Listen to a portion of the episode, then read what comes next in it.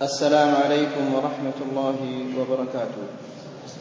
إن الحمد لله نحمده ونستعينه ونستغفره ونعوذ بالله من شرور أنفسنا وسيئات أعمالنا. من يهده الله فلا مضل له ومن يضلل فلا هادي له. وأشهد أن لا إله إلا الله وحده لا شريك له وأشهد أن محمدا عبده ورسوله. يا أيها الذين آمنوا اتقوا الله حق تقاته ولا تموتن إلا وأنتم مسلمون. يا أيها الناس اتقوا ربكم الذي خلقكم من نفس واحدة وخلق منها زوجها وبث منهما رجالا كثيرا ونساء. واتقوا الله الذي تساءلون به والأرحام إن الله كان عليكم رقيبا. يا أيها الذين آمنوا اتقوا الله وقولوا قولا سديدا. يصلح لكم أعمالكم ويغفر لكم ذنوبكم. ومن يطع الله ورسوله فقد فاز فوزا عظيما. أما بعد فإن أحسن الكلام كلام الله. وخير الهدى هدى محمد صلى الله عليه وسلم وشر الأمور محدثاتها فإن كل محدثة بدعة وكل بدعة ضلالة وكل ضلالة في النار. إخواني وأخواتي في الدين عزكم الله Bapak-bapak dan ibu-ibu yang dimuliakan Allah. Alhamdulillah Kita senantiasa memuji Allah subhanahu wa ta'ala. Yang senantiasa memberikan kita kesempatan dan kesehatan Sehingga kita dapat berkumpul di salah satu rumah-rumah Allah subhanahu wa ta'ala Untuk kita mengkaji firman-firman Allah Serta memahami hadis-hadis Rasulullah sallallahu alaihi wasallam. Semoga Allah Subhanahu wa taala menjadikan ilmu kita ini adalah ilmu yang bermanfaat dan semoga Allah Subhanahu wa taala menjadikan umur kita umur yang penuh dengan keberkahan dan penuh dengan amal-amal saleh. Akhwani fi din azzakumullah. Bapak-bapak dan ibu-ibu yang dirahmati Allah. Pada kajian yang sudah lewat kita menjelaskan bahawa setelah meninggalnya Abu Talib kemudian disusul dengan meninggalnya Khadijah radhiyallahu taala anha maka Rasulullah sallallahu alaihi wasallam mencoba untuk berdakwah ke kota Taif. Akan tetapi di Taif Rasulullah sallallahu alaihi wasallam disambut dengan cacian dan makian. Bahkan penduduk Taif ini memperalat budak-budak mereka dan anak-anak pemuda-pemuda untuk melempari dan mencaci maki Rasulullah sallallahu alaihi wasallam. Sehingga mereka melemparinya. Sehingga Rasulullah sallallahu alaihi wasallam kakinya berlumuran dengan darah. Bahkan sandalnya berubah menjadi warna merah karena darah yang keluar dari kakinya. Kemudian dia memasuki sebuah kebun. Lalu di sebuah kebun dia bertemu dengan seseorang yang bernama Adas. Orang ini membawa kepada Rasulullah sallallahu alaihi wasallam anggur. Lalu ketika Rasulullah sallallahu alaihi wasallam mengulurkan tangannya hendak mengambil anggur ini, dia mengatakan bismillah. Orang itu mendengar ucapan Rasulullah sallallahu alaihi wasallam ini, dia mengatakan sesungguhnya di kota ini tidak satu pun orang yang mengatakan yang mengucapkan apa yang kau ucapkan ini. Lalu Rasulullah sallallahu alaihi wasallam menanyakan, sesungguhnya engkau ini dari mana? saya ini adalah dari min ahli Nainawi. Saya ini dari kota Palestin. Rasulullah sallallahu alaihi wasallam dari min qaryati ar-rajul as-salih Yunus bin Matta. Apakah engkau ini dari desanya orang yang saleh An-Nabi Yunus bin Matta? maka orang itu mengatakan wa ma yudrika ma Yunus bin Matta? Dari mana engkau tahu tentang Yunus bin Matta? Maka Rasulullah sallallahu alaihi wasallam mengatakan dzaka akhi kana nabiyyan wa ana nabiy. Dia itu adalah saudara saya. Dia adalah seorang nabi dan aku pun seorang nabi dan Rasulullah sallallahu alaihi wasallam membacakan kepadanya tentang cerita Yunus alaihi salam yang ada di dalam Al-Qur'an. Kemudian kita juga menerangkan bahawa ketika Rasulullah sallallahu alaihi wasallam sedang salat subuh, maka Allah Subhanahu wa taala mengutus beberapa jin untuk mendengarkan bacaannya. Setelah Rasulullah sallallahu alaihi wasallam selesai salat, maka jin ini masing-masing pulang ke desa mereka dan berdakwah. Sampai di sana kajian kita sekarang kita masuki adalah jidal al-musyrikin wa talabuhumul ayat. Bantah-bantahan orang-orang musyrikin dan tuntutan mereka untuk ditunjukkan al-ayat, Wa kana min jumlati jidal al-musyrikin annahum kanu yatlubuna min Rasulillah sallallahu alaihi wasallam al-ayat. Di antara bantahan-bantahan orang musyrikin terhadap Rasulullah sallallahu alaihi wasallam yaitu tuntutan mereka agar ditunjukkan mukjizah-mukjizah. Namun tuntutan ini bukan untuk mereka beriman, bukan agar mereka beriman, namun ta'jizan wa inada.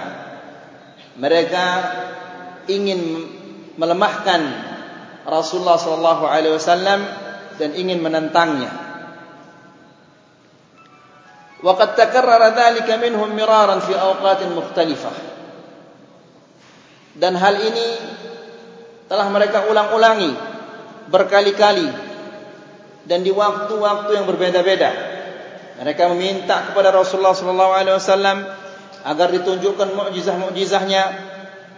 Famin dhalika annahum ijtama'u marratan fil masjidil haram. Di antaranya adalah suatu hari mereka berkumpul di masjidil haram orang-orang musyrikin ini. Wastasharu fi ma bainahum. Dan mereka musyawarah di antara mereka. Setelah itu, thumma arsalu ila nabi sallallahu alaihi wasallam anna ashrafa qaumaka qad ijtama'u liyukallimuk. Lalu mereka ini mengutus seseorang kepada Rasulullah sallallahu alaihi wasallam dan memberitahunya memberitahu Rasulullah bahwa kaummu sedang berkumpul sekarang mereka ingin berbicara denganmu wa haitsu inna an-nabiy sallallahu alaihi wasallam kana harisan ala rushdihim ghayat al-hirs dan karena Rasulullah sallallahu alaihi wasallam ini bersungguh-sungguh ingin melihat mereka ini beriman kepada Allah Subhanahu wa taala sebagaimana Allah menjelaskan di dalam Al-Qur'an yang menggambarkan tentang kesungguhan Rasulullah sallallahu alaihi wasallam yang ingin melihat mereka beriman kepada Allah. Allah menjelaskan di dalam surat Al-Kahf fala'allaka bakhi'un nafsaka ala atharihim illam yu'minu bihadzal hadithi asafa fala'allaka baqi'un nafsak. Apakah engkau akan bunuh diri karena sakit hati? Apabila mereka berpaling dan sekiranya mereka tidak beriman dengan ucapan ini yaitu yang dimaksud adalah Al-Qur'an Faqad ja'a sari'an yarju islamahum. Maka Rasulullah wasallam ini segera keluar dari rumahnya dan berlari menuju Masjidil Haram. Faqalu lalu mereka ini mengatakan kepada Rasulullah sallallahu alaihi wasallam innaka tukhbiruna anna ar-rusula kanat lahum ayat. Mereka mengatakan wahai Muhammad Kan engkau yang mengatakan kepada kami bahawa rasul-rasul itu memiliki mukjizah-mukjizah. Allah memberi mereka itu mukjizah-mukjizah. Ayat tanda-tanda tentang kenabian mereka. Tanda-tanda yang menunjukkan bahawa mereka itu adalah benar-benar nabi. Kanat li Musa asa. Musa mukjizahnya adalah tongkatnya. Wali Thamud dan Naqah. Dan Thamud mukjizahnya adalah onta yang keluar dari batu. Wa kana Isa yuhyi al-mauta.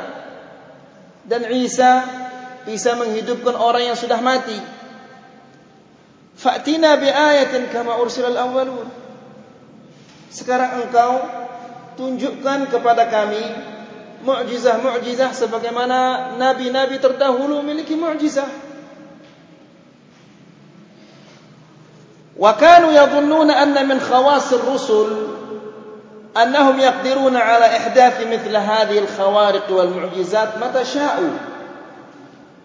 Orang-orang Quraisy ini meyakini, mengira bahawa di antara keistimewaan para rasul itu mereka mampu mendatangkan al-khawariq, hal-hal yang tidak bisa dijangkau oleh akal manusia dan mukjizah-mukjizah kapan saja mereka kehendaki. Kapan saja dia mau menunjukkan mukjizah maka mukjizah itu akan terjadi. Ini keyakinan orang Quraisy. Kama yaqdiru 'amatun nas 'ala a'malihim at-tabi'iyyah. Sebagaimana manusia-manusia biasa mampu melakukan pekerjaan-pekerjaan yang biasa, maka nabi juga demikian mampu mendatangkan mukjizah-mukjizah ini kapan saja mereka ingin. Seperti itu keyakinan orang-orang Quraisy ini faqtarahu alaihi maka orang-orang Quraisy ini mengusulkan kepada Rasulullah sallallahu alaihi wasallam an yaj'ala lahum as-safa dhahaban. Maka mereka mengusulkan agar dijadikan bukit Safa ini emas. Ya Allah Muhammad kalau kamu benar-benar adalah rasul silahkan rubah gunung Safa ini buat dia menjadi emas. Bukit Safa ini menjadi emas. Aw yasir anhumul jibal wa yubsat lahumul bilad atau jalankan gunung-gunung ini pindahkan gunung-gunung ini. Karena kota Makkah itu semuanya gunung-gunung gunung ya Allah Muhammad silahkan. Pindahkan kami gunung-gunung ini supaya tanah kami ini menjadi lapang dan luas. Wa yajri fil anhar bukan hanya itu saja namun juga alirkan di kota Makkah ini sungai-sungai. Jadi itu keinginan mereka. Ayo ba'ath man madha min abaihim hatta yashhadu annahu rasul. Atau datangkanlah nenek moyang nenek moyang kami yang sudah meninggal dahulu, datangkan mereka sekarang supaya mereka bersaksi bahwa engkau adalah benar-benar seorang rasul. Ucapan mereka ini disebutkan oleh Allah Subhanahu wa taala di dalam Al-Qur'an di dalam surat Al-Isra. Wa qalu lan nu'mina laka hatta tufajjira lana min al-ardi yanbu'a wahai Muhammad lan nu'mina lak kami tidak akan beriman kepadamu hatta tufajjira lana min al-ardi yanbu'a. Sehingga engkau memancarkan mata air dari bumi kami ini. Kemudian apa? Au takuna laka jannatun min nakhilin wa 'inabin fatufajjir al-anhar khilalaha tafjira. Atau engkau memiliki kebun? Kebun korma dan anggur. Dan engkau mengalirkan air dari sela-selanya dengan deras. Atau tusqita samaa kama za'amta alaina kisafan. Atau engkau runtuhkan kepada kami langit ini berkeping-keping. Bukan sampai di sana. Bahkan mereka mengatakan auji'tiya billahi wal malaikati qabila. Atau engkau datangkan Allah dan malaikat supaya kami berhadapan dengan mereka, berhadapan dengan Allah dan malaikat. Aw yakuna laka baitun min zukhrufin. Atau engkau memiliki rumah yang terbuat dari emas. Aw tarqa fis sama' atau engkau mampu naik ke langit Kemudian walan nu'mina liruqiyyika hatta tunazzila alaina kitaban naqra'uh. Dan kami tidak akan mempercayai kenaikanmu itu kecuali engkau mendatangkan kepada kami kitaban menurunkan kepada kami bacaan naqra'uh yang dapat kami baca. Gimana Muhammad sallallahu alaihi wasallam bisa mendatangkan hal-hal yang seperti ini? Ya. Waqad abdaw raghbatahum fil Islam idza ata an-nabiy sallallahu alaihi wasallam bimaqtarahuh. Dan mereka menampakkan bahawa mereka akan menerima Islam itu jika Muhammad sallallahu alaihi wasallam dapat mendatangkan apa yang mereka usulkan tadi. Sebagaimana Allah Subhanahu wa taala menjelaskan di dalam surat Al-An'am, wa aqsamu billahi jahda aymanihim. Dan mereka bersumpah dengan nama Allah dengan penuh kesungguhan la in ja'atuhum ayah. Apabila datang kepada mereka mukjizah la yu'minun biha. Mereka pasti akan beriman kepadanya. Fada'a Allah an yurihim ma talabuhu. Maka Rasulullah sallallahu alaihi wasallam meminta kepada Allah agar ditunjukkan apa yang mereka pinta ورجاء إسلامهم karena Rasulullah Shallallahu Alaihi Wasallam berharap mereka ini bisa masuk Islam. Faja'a Jibril wa khayyarahu baina an yurihim ma talabuh. Faman kafara ba'da dhalika minhum عذبه عذابا la yu'adzibuhu ahadan minal alamin Maka Jibril mendatangi Rasulullah sallallahu alaihi wasallam dan memberikannya pilihan yaitu Pilihan yang pertama Allah Subhanahu wa taala akan menampakkan kepada mereka apa yang mereka inginkan. Namun setelah ditampakkan apa yang mereka inginkan, siapa-siapa yang kufur setelah itu, maka Allah Subhanahu wa taala akan menyiksanya dengan siksaan yang ia tidak pernah siksa manusia sebelumnya. Itu resikonya. Allah menampakkan kepada mereka apa yang mereka inginkan lalu mereka tetap kufur maka Allah Subhanahu wa taala akan menyiksa mereka siksaan yang tidak pernah Allah siksa sebelumnya pilihan yang kedua wa baina an yaftaha lahum bab at-taubah war rahmah pilihan yang kedua yaitu Allah Subhanahu wa taala membukakan kepada mereka pintu taubat dan pintu rahmah maka Rasulullah sallallahu alaihi wasallam memilih bal babut taubati war rahmah. Yang dipilih oleh Rasulullah sallallahu alaihi wasallam adalah babut taubah dan babur rahmah, pintu taubat dan pintu rahmah. Karena Rasulullah sallallahu alaihi wasallam khawatir jangan-jangan setelah dia berdoa ditunjukkan oleh Allah Subhanahu wa taala apa yang mereka inginkan lalu mereka tetap kufur maka Allah Subhanahu wa taala akan menyiksa mereka. Dan siapa itu? Keluarga-keluarganya Rasulullah juga. Maka Rasulullah sallallahu alaihi wasallam memilih pilihan yang kedua. Memilih pilihan yang kedua berarti Allah Subhanahu wa taala tidak menunjukkan apa yang mereka inginkan. Falamma ikhtara an-nabi sallallahu alaihi wasallam hadha anzala Allah alaihi jawab muqtarahat al-musyrikin. Karena karena Rasulullah sallallahu alaihi wasallam memilih pilihan yang kedua ini maka Allah Subhanahu wa taala menurunkan kepadanya jawaban atas usulan-usulan orang-orang musyrikin itu Allah berfirman qul subhana rabbi hal kuntu illa basharar rasula katakan ya Muhammad subhana rabbi maha suci tuhanku hal kuntu illa basharar rasula Bukankah aku ini seorang manusia dan seorang rasul? Wal makna maksudnya ayat ini adalah Qul lastu aqdiru ala ihdathil khawariq wal ityani bil mu'jizat.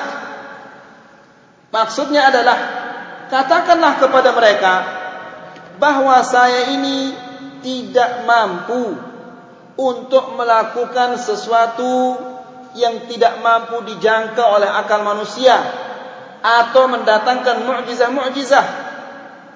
Saya tidak mampu melakukan semua itu. Lianna al-qudrata ala dhalika amrun yakhtassu billahi subhanahu wa ta'ala. Karena kemampuan untuk mendatangkan mukjizah itu adalah itu ada di tangan Allah Subhanahu wa taala satu-satunya. Wa huwa munazzahun an yakuna lahu syarikun fi qudratihi. Dan Allah Subhanahu wa taala maha suci memiliki sekutu di dalam kemampuannya. Tidak ada makhluk yang memiliki kemampuan seperti kemampuan Allah Subhanahu wa taala. Wa inna ma ana basharun kama annakum bashar. Dan saya ini adalah manusia biasa sebagaimana kalian manusia biasa. Falastu aqdiru alaihi kama annakum la taqdirun alaihi.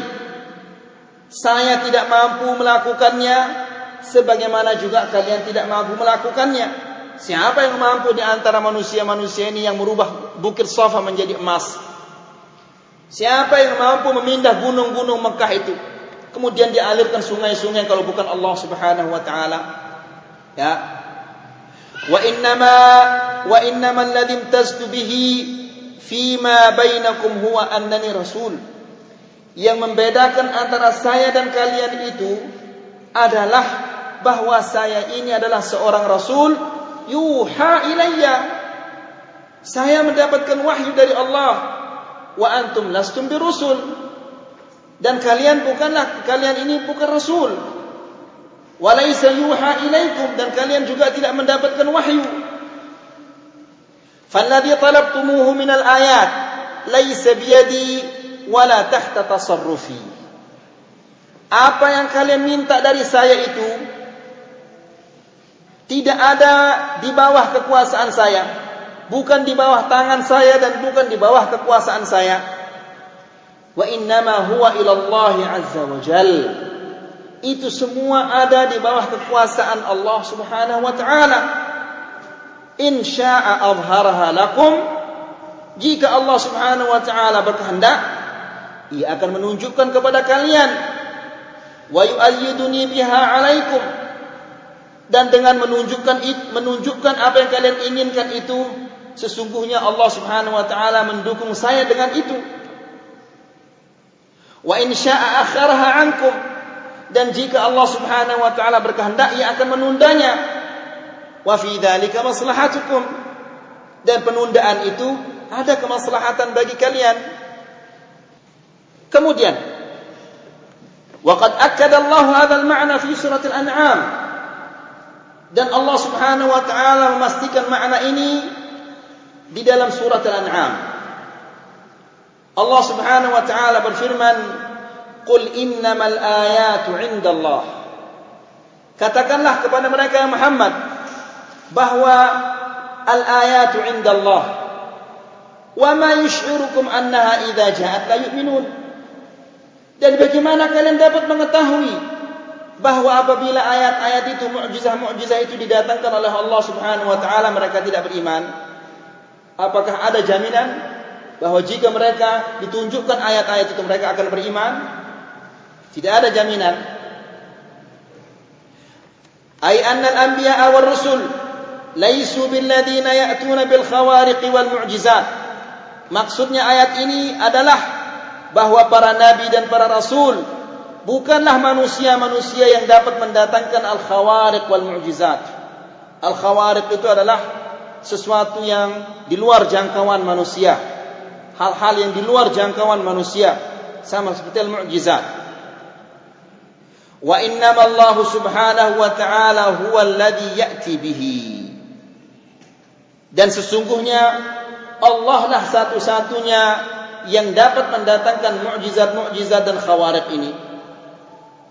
Wa huwa innama yudhiruha ala aidil anbiya'i wal, wal mursalin takriman lahum.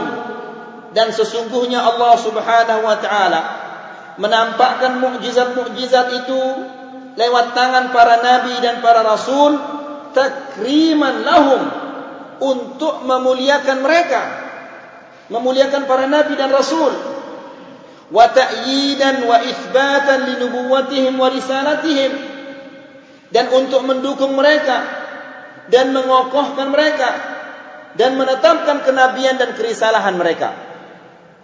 Jadi bukan sembarangan ya mukjizat itu bukan main-mainan. Kapan saja para nabi ingin menampakkan dia bisa nampak. Ya? Jadi mukjizat itu ada di tangan Allah Subhanahu wa taala. Kemudian. Thumma bayyana Allah Subhanahu wa taala. Annahu law arahum wa abhara lahum ma talabuhu min al-ayat la yu'minuna bihi. Kemudian Allah Subhanahu wa taala menerangkan seandainya Allah menampakkan dan menunjukkan kepada mereka apa yang mereka inginkan dari mukjizah-mukjizah itu la yu'minun mereka tidak akan beriman. Sekalipun ditunjukkan kepada mereka apa yang mereka inginkan mereka tidak akan beriman. Ma'a kaunihim qad aqsamu billahi jahda imanihim la yu'minun biha la yu'minun bihi. Walaupun mereka sudah bersumpah apabila mukjizah-mukjizah itu ditampakkan mereka akan beriman. Ya sekalipun demikian mereka tidak akan beriman. Faqal Allah Subhanahu wa taala berfirman walau annana nazzalna ilaihimul malaikah seandainya kami turunkan kepada mereka malaikat-malaikat wa kallamahumul mauta dan mereka diajak berbicara oleh orang-orang yang sudah mati. Wa hasyarna 'alaihim kulla syai'in qubula. Dan kami kumpulkan segala sesuatu kepada mereka agar mereka segala sesuatu itu bersaksi bahwa Muhammad ini adalah rasul yang sebenarnya. Ya. Maka nu liyu'minu mereka tidak akan beriman. Sekalipun Allah Subhanahu wa taala telah mengumpulkan segala-galanya di hadapan mereka, ya. Kemudian semua itu bersaksi bahwa Muhammad ini adalah seorang rasul, maka yu'minu. Mereka tidak akan beriman. Illa an yasha Allah. Kecuali Allah Subhanahu wa taala berkehendak, walakinna aktsarahum yajhalun akan tetapi kebanyakan mereka yang jahil yang tidak mengetahui. Kemudian juga Allah Subhanahu wa taala berfirman di dalam surat Ar-Ra'd walau anna qur'anan suyirat bihil jibal seandainya ada bacaan yang dapat memperjalankan yang dapat membuat gunung berjalan au qutti'at bihil ardh atau membelah bumi. Au kullima bihil mauta. Atau menjadikan orang-orang yang sudah mati berbicara. Balillahil amru jami'a. Semua urusan itu ada pada Allah Subhanahu wa taala. Afalam yai'asil ladina amanu allau yasha'u Allahu lahadan nasa jami'a? Tidakkah orang-orang beriman mengetahui bahawa jika Allah Subhanahu wa taala menghendaki semua orang beriman niscaya ia akan berikan petunjuk kepada mereka semua.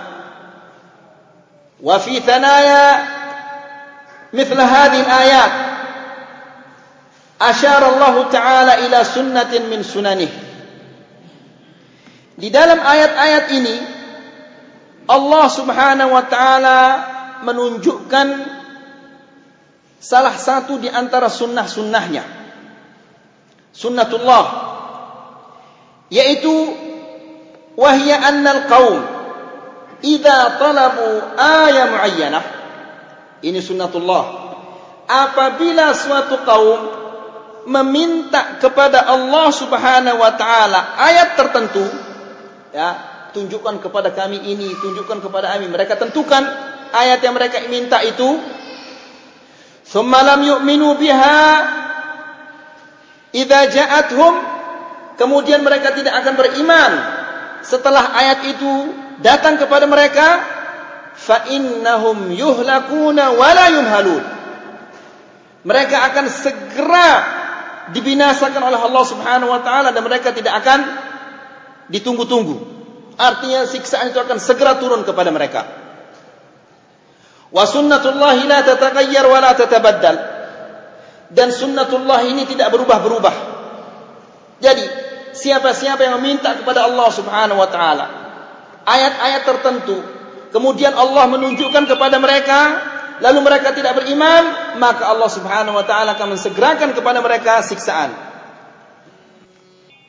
Alima Allah anna ma'dhama quraish yu'minuna fi ma ba'd dan Allah Subhanahu wa taala telah mengetahui bahwa orang-orang Quraisy akan beriman di kemudian hari. Jadi coba seandainya Allah Subhanahu wa taala menunjukkan kepada mereka ayat-ayat mukjizat-mukjizat yang mereka minta lalu mereka tidak beriman maka Allah akan membinasakan mereka semua. Tapi Allah Subhanahu wa taala mengetahui bahwa orang-orang Quraisy itu akan beriman di kemudian hari.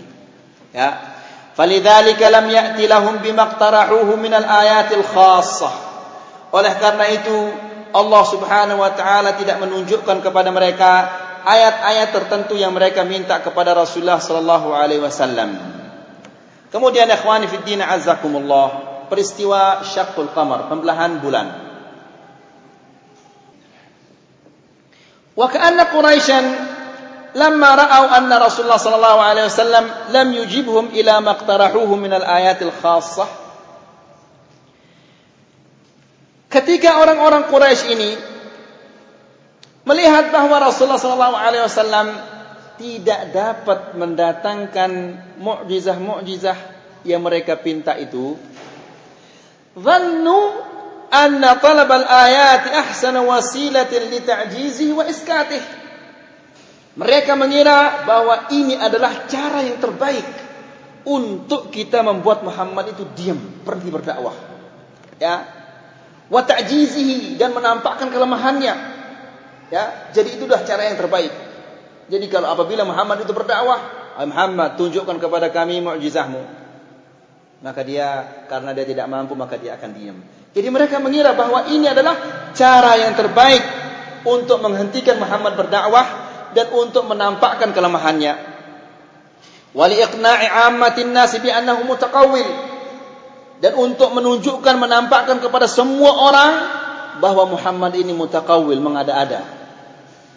Ya, walaysa birasul dan dia adalah bukan seorang rasul. Fataqaddamu khutwatan ukhra. Maka mereka maju selangkah. Wa qarraru an yatlubu minhu ayatan bighairi ta'yin maka mereka memutuskan untuk meminta kepada Rasulullah sallallahu alaihi wasallam sebuah mukjizah namun mereka tidak akan tentukan tidak seperti tadi mereka minta agar apa uh, gunung-gunung Mekah ini dipindahkan supaya tanah mereka menjadi luas. Kemudian mereka minta agar bukit Safa ini dijadikan emas. Ya. Jadi itu ayat-ayat tertentu. Sekarang mereka minta kepada Muhammad sallallahu alaihi wasallam ayat mukjizah namun mereka tidak akan tentukan. Ya. Tujuannya bukan untuk mereka beriman, namun untuk membuat Muhammad itu berhenti berdakwah dan agar menampakkan bahawa dia adalah bukan seorang rasul. Liyatabayyana lin-nasi ajzuhu agar nampak di hadapan semua orang ketidakmampuannya. Fala yu'minu bihi. Maka dengan demikian mereka tidak akan beriman kepadanya. Wa qalu lahu lalu mereka mengatakan kepadanya hal min ayatin na'rifu biha annaka rasulullah? Ya Muhammad adakah suatu tanda suatu ayah yang engkau tunjukkan kepada kami yang dapat kami percayai dengan ayat itu bahwa engkau adalah seorang rasul? Fasa'ala rasulullah fasa'ala rasulullah sallallahu alaihi wasallam rabbahu an yurihim ayah di sini rasulullah sallallahu alaihi wasallam meminta kepada Allah agar ditunjukkan kepada mereka suatu ayat suatu mukjizah ketika mereka meminta mukjizah-mukjizah tertentu Allah tidak mengabulkan karena jika mereka ditunjukkan kemudian mereka beri, tidak beriman maka Allah Subhanahu wa taala tidak akan menunggu tidak akan apa menunggu mensegerakan siksaan itu kepada mereka. Namun di sini mereka meminta ayah namun mereka tidak tentukan. Maka Rasulullah sallallahu alaihi wasallam meminta kepada Allah Subhanahu wa taala agar ditunjukkan kepada mereka suatu ayah. Fa'arahumul qamara qad inshaqqa farqatayn. Maka Rasulullah sallallahu alaihi wasallam menunjukkan kepada mereka bulan telah terbelah menjadi dua. Farqatun fawqal jabal ay jabal Abi Qubais. Satu belahan berada di atas gunung Abi Qubais wa farqatun dunahu. Dan belahan yang kedua ada di bawahnya. Hatta ra'au hira bainahuma. Sehingga mereka melihat gunung Hira di tengah-tengahnya. Ya gua Hira itu gunung Hira. Mereka melihat Hira di tengah-tengahnya di tengah dua belahan ini. Faqala Rasulullah sallallahu alaihi wasallam lalu Rasulullah sallallahu alaihi wasallam mengatakan isyhadu saksikanlah lihatlah Wara'at Quraisy hadil ayat jiharan. Dan orang Quraisy melihat ayat ini secara terang-terangan. Biwuduhin dengan jelas. Wali waktu tawil.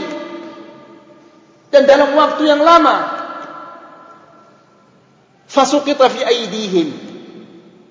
Mereka menyesal. Sukita fi aidihim yang menyesal.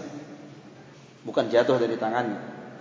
Ya, kalau diartikan secara harfian jatuh dari tangannya. Tapi maksudnya suqita fi aydihim artinya menyesal.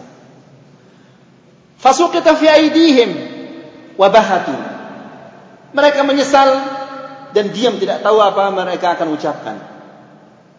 Ya jadi mereka mengira bahwa Muhammad tidak akan mampu mendatangkan suatu ayat. Ternyata Muhammad sallallahu alaihi wasallam mampu mendatangkan ayat yang luar biasa. Bulan terbelah menjadi dua sehingga mereka melihat Hira di tengah-tengahnya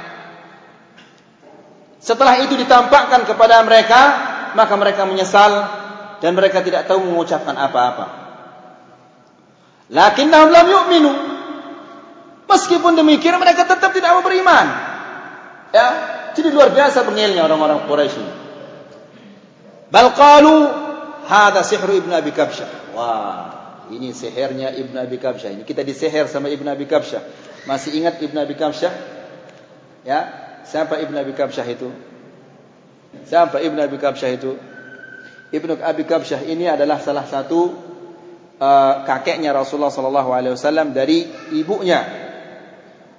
Ibn Abi Kabsyah ini dia tidak mau ikuti agama Quraisy tapi justru dia tanassar, dia masuk Nasrani. Dia menyelisihi agama Quraisy. Maka Rasulullah sallallahu alaihi wasallam juga menyelisihi agama Quraisy, maka mereka mengoloknya dengan Ibn Abi Kabsyah. Ya, diolok dia dengan disebut nama uh, kakeknya dari ibunya. Ah, Ja'a ibn Abi Kabsyah. Tapi tujuannya dia mengolok. Mereka mengatakan, Hada sihr ibn Abi Kabsyah. Sesungguhnya kita disihir sama ibn Abi Kabsyah. Ibn Abi Kabsyah itu adalah salah satu kakeknya Rasulullah wasallam dari ibunya. Laqad saharana Muhammad. Ini Muhammad yang menyihir kita ini. Faqala rajul lalu salah seorang di antara mereka mengatakan in kana qad saharakum fa innahu la yastati'u an yashara an-nas kullahum Jika kalian disihir oleh Muhammad maka Muhammad tidak akan mampu menyihir semua manusia. Kalian yang ada di dekatnya ini saja yang disihir orang-orang lain tidak akan terkena dengan sihirnya itu. Fantaziru ma ya'tukum ma ya'tikum bihi kalau gitu kalian tunggu orang-orang musafir ini lalu kalian tanyakan mereka apakah benar bulan itu terbelah menjadi dua? Ya. Faja'a as-suffaru fas'aluhum. Lalu orang-orang musafir ini datang. Yang dari luar kota Mekah ini orang-orang musafir ini datang mereka. Fas'aluhum lalu mereka menanyakan kepada orang-orang musafir ini. Faqalu na'am qad ra'aynah mereka mengatakan iya kami melihat bulan itu terbelah menjadi dua. Walakinna Quraisyan ma'a dhalika asarru ala kufrihim wattaba'u ahwa'ahum. Akan tetapi orang Quraisy tetap bersikeras untuk mempertahankan kekufuran mereka dan mengikuti hawa nafsu mereka. Wa ka'anna shiqaqul qamar kana tamhidan lima huwa akbar wa ahammu hadathan min dhalik. Seolah-olah peristiwa pembelahan bulan ini ini sebagai mukaddimah tentang peristiwa yang lebih besar dari itu lagi. Ya, yaitu peristiwa Al-Isra wal Mi'raj. Fa inna ru'yat al-qamar hakadha munshaqqan bi'ain al-yaqin tashul 'ala adh-dhihni qabul imkan al-Isra wal Mi'raj. Karena jika seseorang meyakini mampu meyakini bahawa bulan itu telah terbelah menjadi dua, maka dengan gampang dia meyakini tentang peristiwa Al-Isra wal Mi'raj ini. Peristiwa Al-Isra wal Mi'raj. الإسراء والمعراج المراد بالإسراء توجه النبي صلى الله عليه وسلم ليلا من من مكة المكرمة إلى بيت المقدس yang dimaksud dengan Isra ini adalah tawajuh menuju Baitul Maqdis di malam hari dari Mekah ke Baitul Maqdis di malam hari berangkatnya berjalannya Rasulullah sallallahu alaihi wasallam malam-malam. Al-Isra itu bermakna berjalan malam. Ya. Asra yusri bermakna berjalan malam-malam. Ya. Al-Isra yakni berjalan malam-malam min Makkah ila Baitul Maqdis. Dari Makkah ke Baitul Maqdis, Palestin. Wal murad bil mi'raj su'uduhu sallallahu alaihi wasallam ila al-alam al-ulwi. Dan yang dimaksud dengan mi'raj itu naiknya Rasulullah sallallahu alaihi wasallam ke alam yang di atas itu. Wa kana dhalika bi jasadihi syarif wa ruhihi al-athhar. Peristiwa Isra wal Mi'raj ini terjadi dengan jasad dan ruhnya sallallahu alaihi wasallam. Karena ada yang mengatakan itu jasadnya saja, ada yang mengatakan itu ruhnya saja. Namun al-muallif di sini memastikan bahawa peristiwa Al-Isra wal Mi'raj itu terjadi dengan jasadnya dan ruhnya. Wal Isra'u madhkurun fil Quran. Isra ini disebutkan oleh Allah Subhanahu wa taala di dalam Al-Qur'an. Yaitu di dalam firman-Nya Subhanalladzi asra bi 'abdihi lailan minal masjidil haram ila al-masjidil aqsa الذي باركنا حوله لنريه من آياتنا إنه هو السميع البصير Allah berfirman Subhanalladzi asra Maha suci Allah yang memperjalankan hambanya di malam hari minal masjidil haram dari masjidil haram di Mekah ilal masjidil aqsa ke masjidil aqsa di Palestin. Alladzi barakna haulahu yang kami berkahi di sekitarnya. Linuriyahu min ayatina agar kami tunjukkan kepadanya ayat-ayat kami. Innahu huwas samiul basir sesungguhnya ia maha mendengar lagi maha melihat. Amal mi'raj faqila huwa madhkurun fi surat an-najm adapun mi'raj ini yaitu yang disebut oleh Allah Subhanahu wa taala di dalam surat An-Najm min ayatihi as-sabi'ah ila ats-tsaminah asyarah dari ayat ke-7 sampai ayat ke-18 ini cerita tentang al-mi'raj qila al-madhkur fi hadhihi al-ayat ghairu al-mi'raj dan ada juga yang menyebutkan bahawa yang disebutkan di dalam ayat-ayat ini yaitu yang ke-7 sampai 18 ini bukan dia al-mi'raj itu. Waktulifa fi waktu al-Isra' wal Mi'raj. Para ulama berselisih tentang waktu peristiwa al-Isra' wal Mi'raj ini. Syekh bin Baz mengatakan ini merupakan hikmatullah fi insa'iha. Merupakan hikmah yang sangat besar di dalam perselisihan uh, peristiwa waktu peristiwa al-Isra' wal Mi'raj ini. Karena orang yang merayakan tanggal sekian, yang lain mengatakan tanggal sekian. Ini merayakan tanggal sekian, tapi ada yang lain mengatakan tanggal sekian. Sama seperti milad Rasul sallallahu alaihi wasallam. Ini merupakan hikmah besar mereka itu berselisih tidak sepakat. Karena yang merayakan tanggal sekian, yang satu mengatakan kan tanggal sekian lebih benar. Yang merayakan tanggal sekian, oh tanggal sekian itu lebih benar. Namun mereka semua sepakat tanggal kematiannya. Jadi sebenarnya mereka yang merayakan Maulid ini mereka bukan Maulid, mereka mereka mereka merayakan apa? Maut. Karena kematian Rasulullah wasallam sepakat di tanggal 12 Rabiul Awal itu. Adapun kelahirannya mereka berselisih. Baik, kita lanjutkan. Faqila fi sanati allati bu'itha fiha an-nabiy sallallahu alaihi wasallam. Ada di antara mereka mengatakan bahawa peristiwa Isra wal Mi'raj ini pada tahun Nabi itu diutus. Waqila sanata khamsin minan nubuwah. Ada yang mengatakan di tahun lima dari kenabian. Waqila fi sab'a Rajab sanata ashrin minan nubuwah. Ada yang mengatakan tanggal 27 Rajab tahun 10 dari kenabian. Waqila fi sab'ata ashara Ramadhan. Ada yang mengatakan tanggal 17 Ramadhan. Bukan 17 Agustus, 17 Ramadhan. Sanata 12 minan nubuwah. Tahun 12 dari kenabian. Waqila fil Muharram. Ada yang mengatakan pada bulan Muharram. Waqila fi 17 Rabiul Awal sanata 13 minan nubuwah. Ada juga yang mengatakan pada tahun 17 pada bulan 17 Rabiul Awal tahun 13 dari kenabian. Amma tafsilul qissah adapun ringkasan peristiwa ini famulakhasur riwayatus sahihah kesimpulan riwayat-riwayat yang sahih yang berkaitan tentang peristiwa ini anna Jibril alaihissalam jaa bil buraq bahwa Jibril alaihissalam datang membawa al-buraq. Buraq ini adalah wahwa dabbatun fawqa al-himar wa dun al-baghl. Buraq ini adalah lebih besar dari himar dan lebih kecil dari baghl. Baghl itu adalah peranakan antara kuda dan keldai.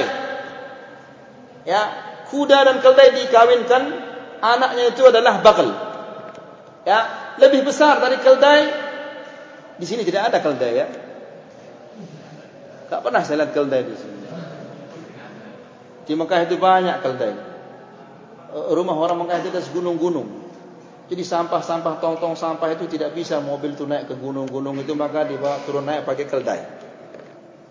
Kemudian kalau di bulan Ramadhan di ujung-ujung rumah itu disediakan dream oleh kerajaan Arab Saudi jazakallahu khair disediakan dream-dream isinya uh, air zam-zam ya di semua gubuk-gubuk itu yang di atas gunung-gunung itu diisikan dengan air zam-zam ya di bulan Ramadan. Nah ini mobil tidak bisa naik ke atas itu ke gunung itu, maka keldai ini yang membawa apa air zam-zam ke gunung-gunung itu. Ya. Jadi banyak keldai di sana.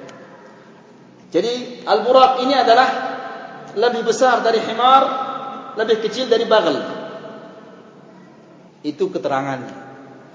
Adapun yang ditempel-tempel di rumah itu adalah rekayasanya orang Yahudi dan orang Nasara yang tubuhnya apa badannya badan kuda kepalanya adalah kepala wanita cantik. Ya. Dan ini adalah salah satu penghinaan kepada Nabi kita Muhammad sallallahu alaihi wasallam. Orang-orang kafir itu mengatakan coba no, lihat Nabi itu playboy. Sehingga kuda sampai dibikinkan dia kuda kepalanya kepala kepala kepala perempuan kepala manusia perempuan karena dia playboy. Namun orang-orang Islam karena jahilnya ya karena dilihat di bawahnya ada tulisan-tulisan tulisan Arab lah bagus wah ini. Dianggap bagus. Dan sekarang orang-orang Nasara ini supaya mereka tertarik misalnya tokonya supaya banyak dikunjungi oleh orang-orang muslim mereka tulis doa-doa Nasrani itu pakai pakai tulisan Arab. Di sini saya pernah melihat ada toko sandal di cakra ini kebetulan saya mau beli sandal ramai sekali di kasirnya. Kasirnya orang Cina. Tapi saya lihat tulisan kaligrafi pakai bahasa Arab di belakangnya. Oh masya Allah ini Cina Muslim ini rupanya. Masya Allah ini ramai sekali. Akhirnya saya mendekat. Ternyata tulisannya ini doa doanya orang Nasrani. Abana alladhi fis sama taqaddas ismuhu. Bapak kami yang ada di atas katanya. Nasrani jadi tulisannya dia nipu orang orang apa uh, muslimin ditipu. Banyak karena banyak kaum muslimin tidak bisa membaca bahasa Arab. Eh, ini makanya antum belajar bahasa Arab ini. Ya supaya jangan tertipu nanti. Mereka itu berbondong-bondong ke tokonya orang Cina ini karena melihat tulisan kaligrafi yang bagus begitu bahasa Arab. Tapi adalah uh, tulisan ini adalah tulisan orang-orang Nasara. Begitu juga di bandara pernah saya lihat anak anak muda tulisan kaligrafi di bajunya. Oh, ini ternyata adalah doa-doa orang Kristen. Tapi ditulis pakai tulisan Arab. Nah, supaya jangan kita ditipu sama orang-orang Nasrani ini, siang dan malam mereka berusaha menipu kita. Belajar, nanti pelajari bahasa Arab ini supaya jangan ditipu, ya. Ada pepatah bahasa Arab mengatakan man ta'allama lughata qaumin salima makrahum. Barang siapa mempelajari bahasa suatu kaum maka dia akan selamat dari tipu daya mereka. Ah, supaya kita jangan ditipu sama orang Cina ini lagi. Antum pelajari bahasa Arab. Baik. Uh, Ja'a bil buraq. Dia datang Jibril datang membawa al-buraq.